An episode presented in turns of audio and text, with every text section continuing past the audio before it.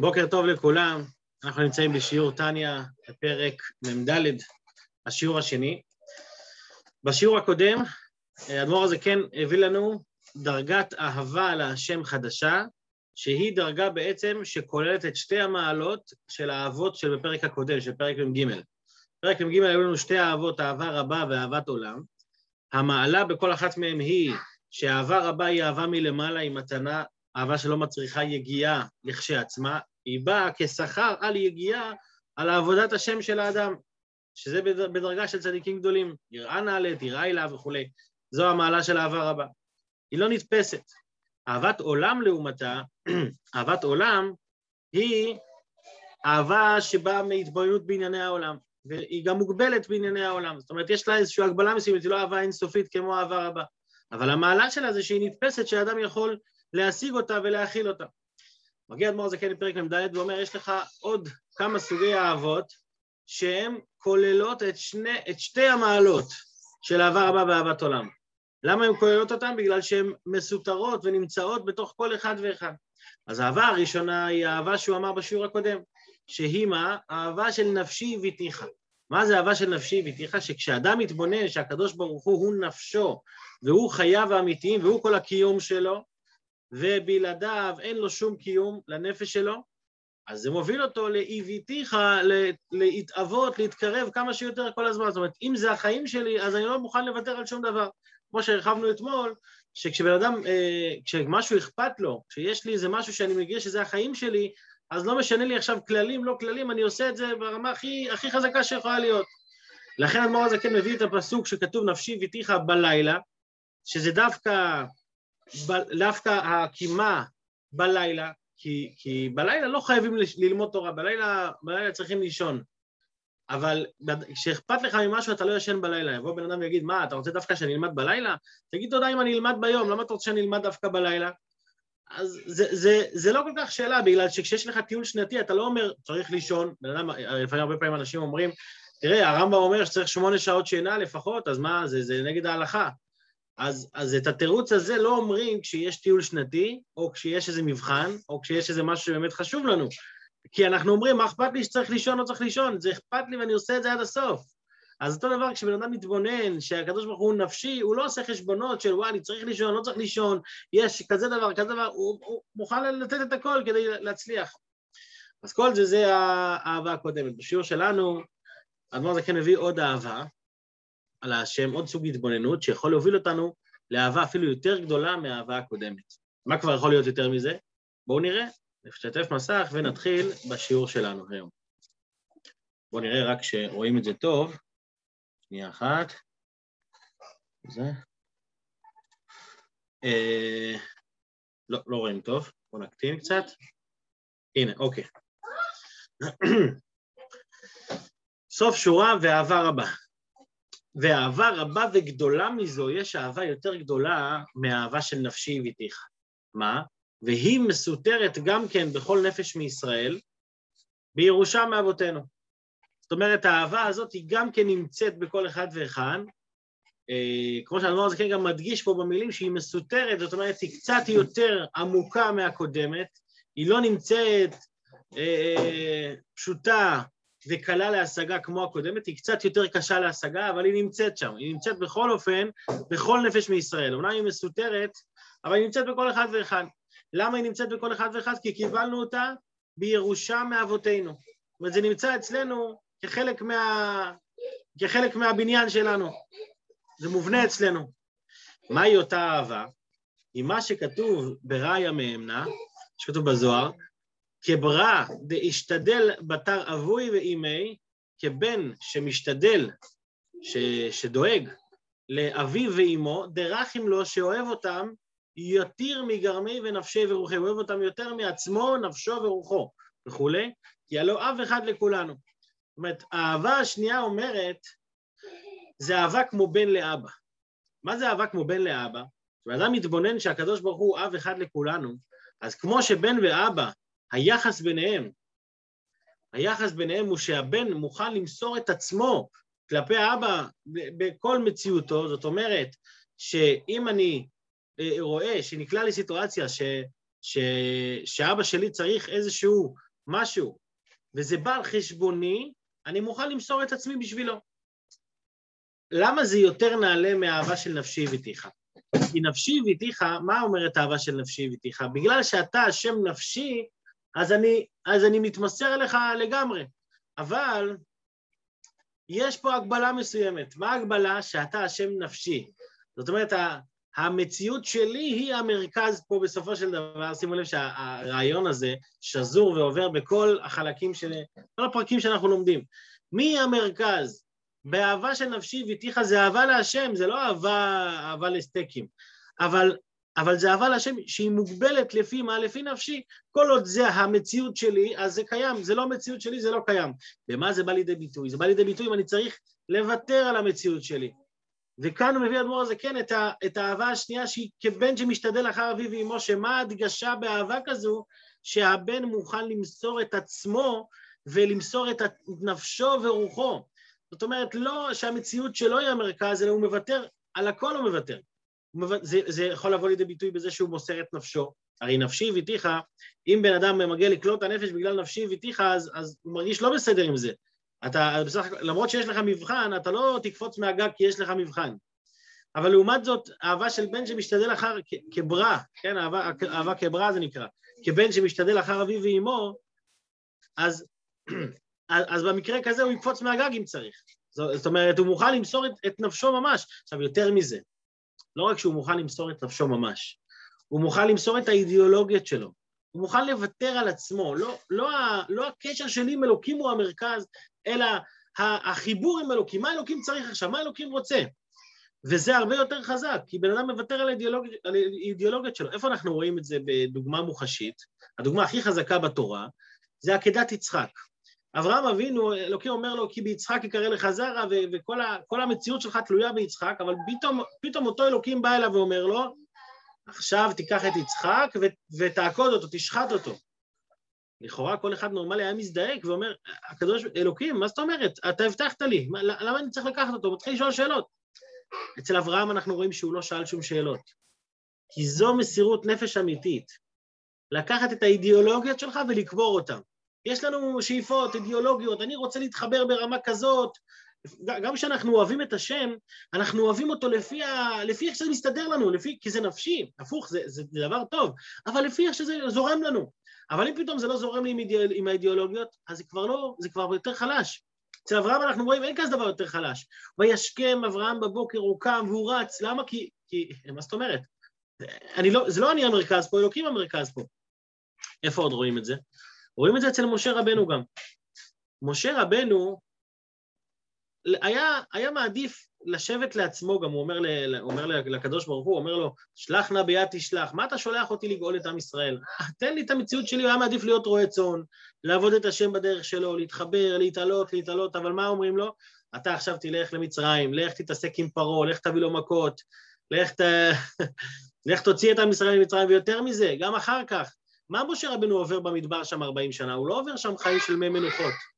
ההתעסקות היומיומית שלו היא, היא, היא בצרות פשוטות של אנשים, שתי שכנים שרבים מכות ביניהם, אה, אה, בעל ואישה שלא מסתדרים, שרבים, אה, אנשים שרוצים בשר, שצמאים למים, שצועקים עליו, שמתווכחים, שרוצים להדיח אותו, זו ההתעסקות היומיומית שלו. משה רבנו אומר, אני לא רוצה את זה, מה... אני מעדיף להיות קשור לקדוש ברוך הוא בטבע שלי, באופי שלי. לא, אומרים לו, אתה תשנה את האופי שלך ותלך נגד הרצון שלך. זה אהבה גדולה יותר. שני, שניהם זה אהבת השם. אבל אהבת השם של נפשי והבטיחה זה, זה אני זורם. אהבה של בן שמשתדל אחר אביו זה לא אני, זה אני יוצא ממציאותו. יוצא ממציאותי. הוא, משת, הוא משתדל עבורם יותר מעצמו, נפשו ורוחו. אז זה נשמע רחוק קצת, כן? אברהם אבינו, משה רבנו, אבל האמת היא שזה בכל אחד ואחד מאיתנו, זאת אומרת, לפעמים אני מעדיף לשבת וללמוד אה, עכשיו איזושהי שיחה של הרבי, או ללמוד טניה, או ללמוד, אה, ללמוד גמרא, אבל אומרים לי, תשמע, אתה יכול לדאוג לעצמך, אבל יש אנשים אחרים ש... שצריכים אותך. הרבי כל הזמן דיבר על זה, שלדאוג לבן אדם אחר לפעמים יותר חשוב מאשר לדאוג לעצמך. זה בדיוק הנקודה הזאת, כמה שזה נשמע רחוק ומנותק, זה, זה אותו נקודה. האם אני חושב על הקשר שלי, על המציאות שלי? עכשיו, זה לא שבן אדם צריך לוותר על המציאות שלו ולא ללמוד אף פעם ולא לעשות שום דבר אף פעם, ברור שצריך, ברור שצריך נפשי הביתיך, אי אפשר בלי נפשי הביתיך. אבל, כש, אבל כשיש איזשהו מקרה שאומרים לו עכשיו צריכים אותך, ואתה אומר, מה זאת אומרת צריכים אותי? אני רוצה אבל לדאוג לעצמי. אל תדאג לעצמך, תצא מעצמך, תוותר על המציאות של עצמך בשביל מישהו אחר. זה האהבה הגדולה יותר. ואני בכוונה הבאתי את שלושת הדוגמאות האלה כי זה, כי זה הופך את זה לפרקטי, זה לא משהו שהוא רחוק. עכשיו, מה, מה הפרקטי פה? הפרקטי פה הוא שזו התבוננות ששייכת לכל אחד. זה לא משהו ש... זה לא אהבה רבה שהיא מלמעלה, שאין לזה שום דבר. שייך לכל אחד, כל אחד שהוא מתבונן. כמו שהתבוננת שהקדוש ברוך הוא מחיה אותך, תתבונן בעניין הזה שהקדוש ברוך הוא אבינו, כי אב אחד לכולנו. עכשיו, הנמשל הוא יותר חזק מהמשל. סליחה על האריכות, אני עוד שנייה אמשיך לקרוא, אבל הנמשל יותר חזק מהמשל. במשל יכול להיות לפעמים בן שלא מוסר את נפשו. אז המשל הוא לא. הוא לא, הוא לא מחודד עד הסוף. זאת אומרת, אה, ברוב המקרים הבן ימסור, אבל יש מקרים שלא. אבל, ב... אצל... אבל הקדוש ברוך הוא, הקשר בין יהודי לקדוש ברוך הוא יותר חזק מאב ובן רגיל. כן, זה ה... כי הוא גם נפשנו, הוא המציאות האמיתית שלנו, כל הקיום שלנו תלוי בו. כשבן אדם מתבונן בזה שהכל תלוי בו והכל רק ממנו, אז המסירות שלו אליו היא הרבה יותר חזקה. כי הלא אב אחד לכולנו. אז בואו נמשיך לקרוא, שואל אדמו"ר הזקן, ואף כי מי הוא זה ואיזה הוא, אשר ערב ליבו לגשת, להשיג אפילו חלק אחד מיני אלף ממדרגת אהבת ראיה מאמנה. כמו שאמרנו קודם, זה משה רבנו הגיע לאהבה כזו, אז מה, אתה, אתה מצפה ממני שאני אגיע לכזה אהבה של מסירות נפש, לכזה? אגב, למה הוא אומר מדרגת אהבת ראיה מאמנה? הרי לכאורה, אם נחשוב על זה, האהבה הזאת זה אהבה מסותרת. כבר דיברנו בפרק י"ח וי"ט שאהבה מסותרת ממי הגיעה לנו? מאברהם אבינו. אז למה הוא אומר שזה אהבת ראיה מאמנה? אלא שמאברהם אבינו הגיע עצם האהבה לקדוש ברוך ממשה רבנו מה אנחנו מקבלים? את היכולת לשים את עצמנו בצד. את היכולת אה, אה לאופן של האהבה, לא רק לעצם האהבה, שזה פרק י"ח וי"ט, זה החידוש פה בפרק מ"ד. החידוש פה זה האופי של האהבה, הסגנון של האהבה, שהוא אהבה של, שהיא אהבה של מסירות נפש, של יציאה מעצמך, וזה מגיע ממשה רבנו. אז יבוא בן אדם ויגיד, אוקיי, זה משה רבנו, מה אתה רוצה ממני? למה זה שייך אליי? אז מי שלמד כבר את פרק מ"ב, השאלה הזאת היא לא כל כך חזקה, וזה מה שהאדמו"ר הזה כן הולך ועונה כאן. מכל מקום, הרי אפס קצהו ושמץ מן הוא, ולפחות משהו קטן מכל, מכל זה, מרב טובו, מרוב טובו ואורו, מאיר לקלות ישראל בכל דור ודור. הרי משה רבנו משפיע על כולנו, כמו שאמרנו בפרק מ"ב, אמרנו שלוש דרגות שם. אמרנו, משה רבנו עצמו משפיע לכל דור ודור. בכל דור ודור עצמו יש משה רבנו שבדור, ולכל אחד בפנים יש משה רבנו שבתוכו. אז כשיש לי את שלושת הדברים האלה, אז, אז נכון, זה, זה מדרגה, אבל כל אחד שייך לזה. כמו שכתוב בתיקונים, אני אמשיך לקרוא, בתיקוני זוהר, דהתפשטותי בכל דרה ודרה, שההתפשטות של משה מגיעה בכל דור ודור, להנהר אלון, להעיר להם וכולי. רק מה, שהערה זו היא מבחינת אסתר והלם גדול. היא, היא לא נמצאת בגילוי, זה לא כמו אהבה מסותרת, יותר קל לגלות אותה. מספיק להזכיר לעצמנו, כמו שמובא בפרק י"ח וי"ט, להזכיר לעצמנו שהיא שם והיא, והיא בום, היא נדלקת. אבל באיזה אופן היא נדלקת, זה כבר צריך יותר יגיעה. זה צריך כבר אה, אה, עבודה. אבל עדיין היא נמצאת בנפשות כל בית ישראל, היא, היא, היא בכל אחד ואחד, רק היא טיפה יותר מוסתרת מהאהבה המסותרת הרגילה. ולהוציא האהבה זו המסותרת מההיעלם וההסתר אל הגילוי, להיות בהתגלות ליבו ומוחו, אז זה שייך לכל אחד. זה אומנם עבודה, אבל זה שייך. לא נפלט ולא רחוקה היא, אלא קרוב הדבר מאוד בפיך ובלבבך. דהיינו, להיות רגיל הלשונו, רגע, לפני הדהיינו. זה שייך לכל אחד ואחד. זה שייך, אני רוצה להגיד עוד פעם, דיברנו על אהבה רבה ואהבת עולם.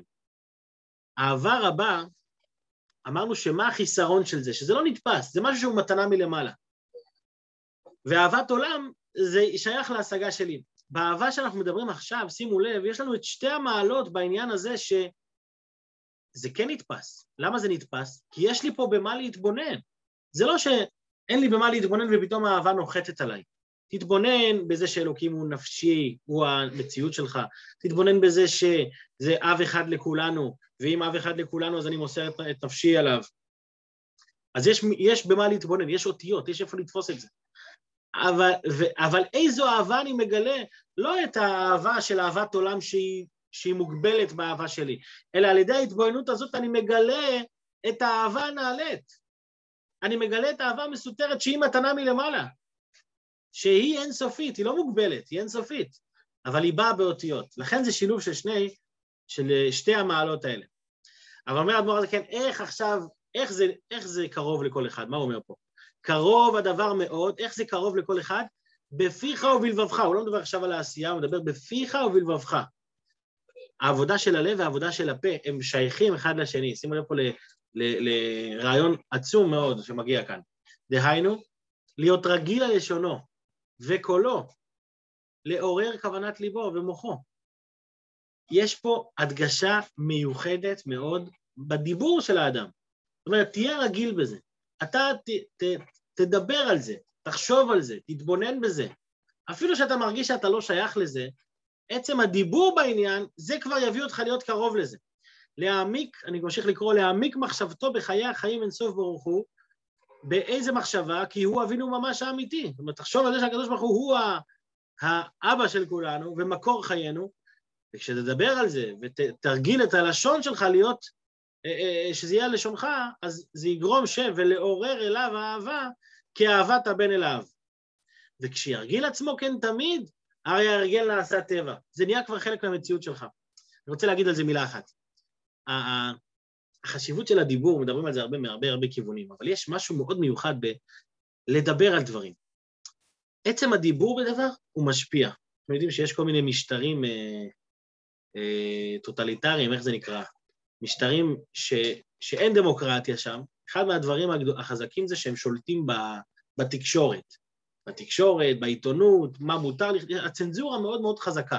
למה צנזורה מאוד חזקה? כי תקשורת כתובה או לא כתובה, היא מעצבת תודעה. מה שמדובר בתקשורת קיים, מה שלא, לא קיים. היום בעידן הרשתות, הדבר הזה מאוד נפרץ, אבל במקומות ששולטים גם ברשתות, אז יכולים להכתיב לך מה לחשוב, מה, מה, מה, מה להיות. יש מקומות, גם בהיסטוריה הרחוקה יותר, שלקחו את המילון ושינו מילים במילון, בלקסיקון. אז פשוט ביטלו אותם, העלימו אותם. ברגע שהמילה לא נמצאת במילון, אז באופן אוטומטי היא יורדת מסדר היום. אם ככה זה בהשפעה שלילית על האדם, ודאי שזה ברמה ההפוכה זה הרבה יותר חזק. כשבן אדם מרגיל את עצמו, שהדברים על סדר היום, למשל, אפשר להגיד, בואו לא נדבר על אלוקים, לא אלוקים, על אמונה, לא אמונה, עזוב את זה. אבל מצד שני, אם האמונה היא בסדר היום, היא נמצאת על השולחן כל הזמן. אני מאמין יותר, אני מאמין פחות, אני לומד יותר, לומד, יודע יותר, יודע פחות, זה לא משנה. אם זה על סדר היום, זה כאן, זה נמצא, וזה יתגלה. זה מה שאומר אדמו"ר הזקן. אם ה... יכול להיות שאני לא בדרגה של משה רבנו, שאני לא עכשיו ברמה שאני מוסר את נפשי בשביל... אין לי שום מציאות. אבל אם זה על סדר היום שלך, לכן קראתי לשיעור הכל דיבורים. כי הכל בעצם תלוי בדיבורים שלנו. מה, על מה אתה מדבר? במה אתה מונח? אם אתה... ודיבור, דיבור זה עניין מאוד טכני, לא צריך פה להיות בעל דרגה בשביל זה. דיבור, תדבר על זה. תתרגל לדבר על דברים טובים. תתרגל שהשיח שה, שלך יהיה שיח אה, אה, נעלה יותר, קצת פחות רדוד ויותר נעלה, וזה ירומם אותך. כי בסופו של דבר, כשזה, כשזה על השולחן תמיד, אז ב, ב, ברגע אחד זה כבר יכול להתרומם ולהתעלות. לכן, לכן העצה הפרקטית של האדמו"ר הזקן, האדמו"ר הזקן נותן פה שתי אהבות, אהבה של נפשי ואיתיך ואהבה של בן שמשתדל אחר אביו. אבל שתי האהבות האלה, לא מספיק שהן קיימות, צריך לעורר אותן, צריך להתבונן. איך, תתבונ... איך תגרום לזה להישאר אצלך תמיד בסדר היום? תדבר על זה. תדבר, תלמד, אל תעצור, אל תגיד אני יודע את המידע, זה, זה, חלק, זה חלק מכל התהליך שהדבר הזה כן מעביר אותנו בפרקים האלה, ממ"א ועד הסוף, זה התהליך הזה של להשאיר את הדברים מול העיניים. תהיה עם זה כל הזמן, תתבונן, תעמיק. וכשאתה תתבונן ותעמיק, אז זה יבוא ויתגלה. בסוף זה יתגלה. באיזה רמה זה יתגלה? כל אחד לפי שיעור הדילי, כמו שאמרנו אתמול, כל אחד לפי, ה... לפי איך שהוא שייך, לפי הטבע שלו. אבל זה יגיע בסוף. אם... אבל אם לא תתבונן, אם לא תשים את זה על השולחן, אז גם זה לא יגיע. אז אל תתלונן, וואי, אני מנסה לעבוד, אבל אין לי אהבת השם. דיברת, מתי דיברת על זה לאחרונה? כן, זה, זה, זה, זה, זה כמו בכל דבר כזה, אתה, אתה מתלונן שאתה לא מצליח עם משהו מסוים.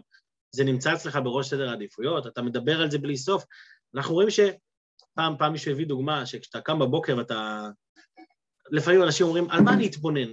איך אפשר להתבונן בגדלות הקל? אין לי כמעט במה להתבונן.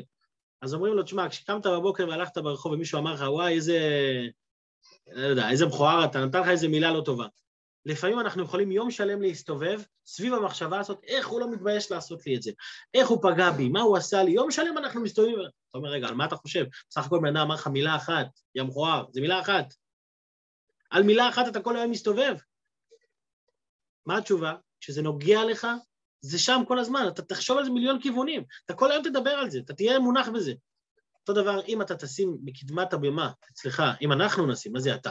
אם אנחנו נשים בקדמת הבמה את, את הקדוש ברוך הוא כמרכז, את זה שהוא אבינו ושהוא מציאותנו וש, ושהוא הקיום שלנו, אז כבר שאר הדברים כבר, אה, כבר ילכו, אנחנו, אנחנו, אנחנו נראה אחרת לגמרי, כל המציאות שלנו, עד כדי כך שאנחנו נהיה מוכנים לוותר על, על אידיאולוגיות שלנו בשבילו. הארכנו קצת, אבל שיהיה זה עד כאן, בעזרת השם בהמשך, אדמו"ר הזקן, נמשיך לפתח ולהרחיב עוד סוגים. אז עד כאן השיעור של היום, שיהיה בינתיים לכולם יום נפלא ובשורות טובות. תודה רבה, יום טוב.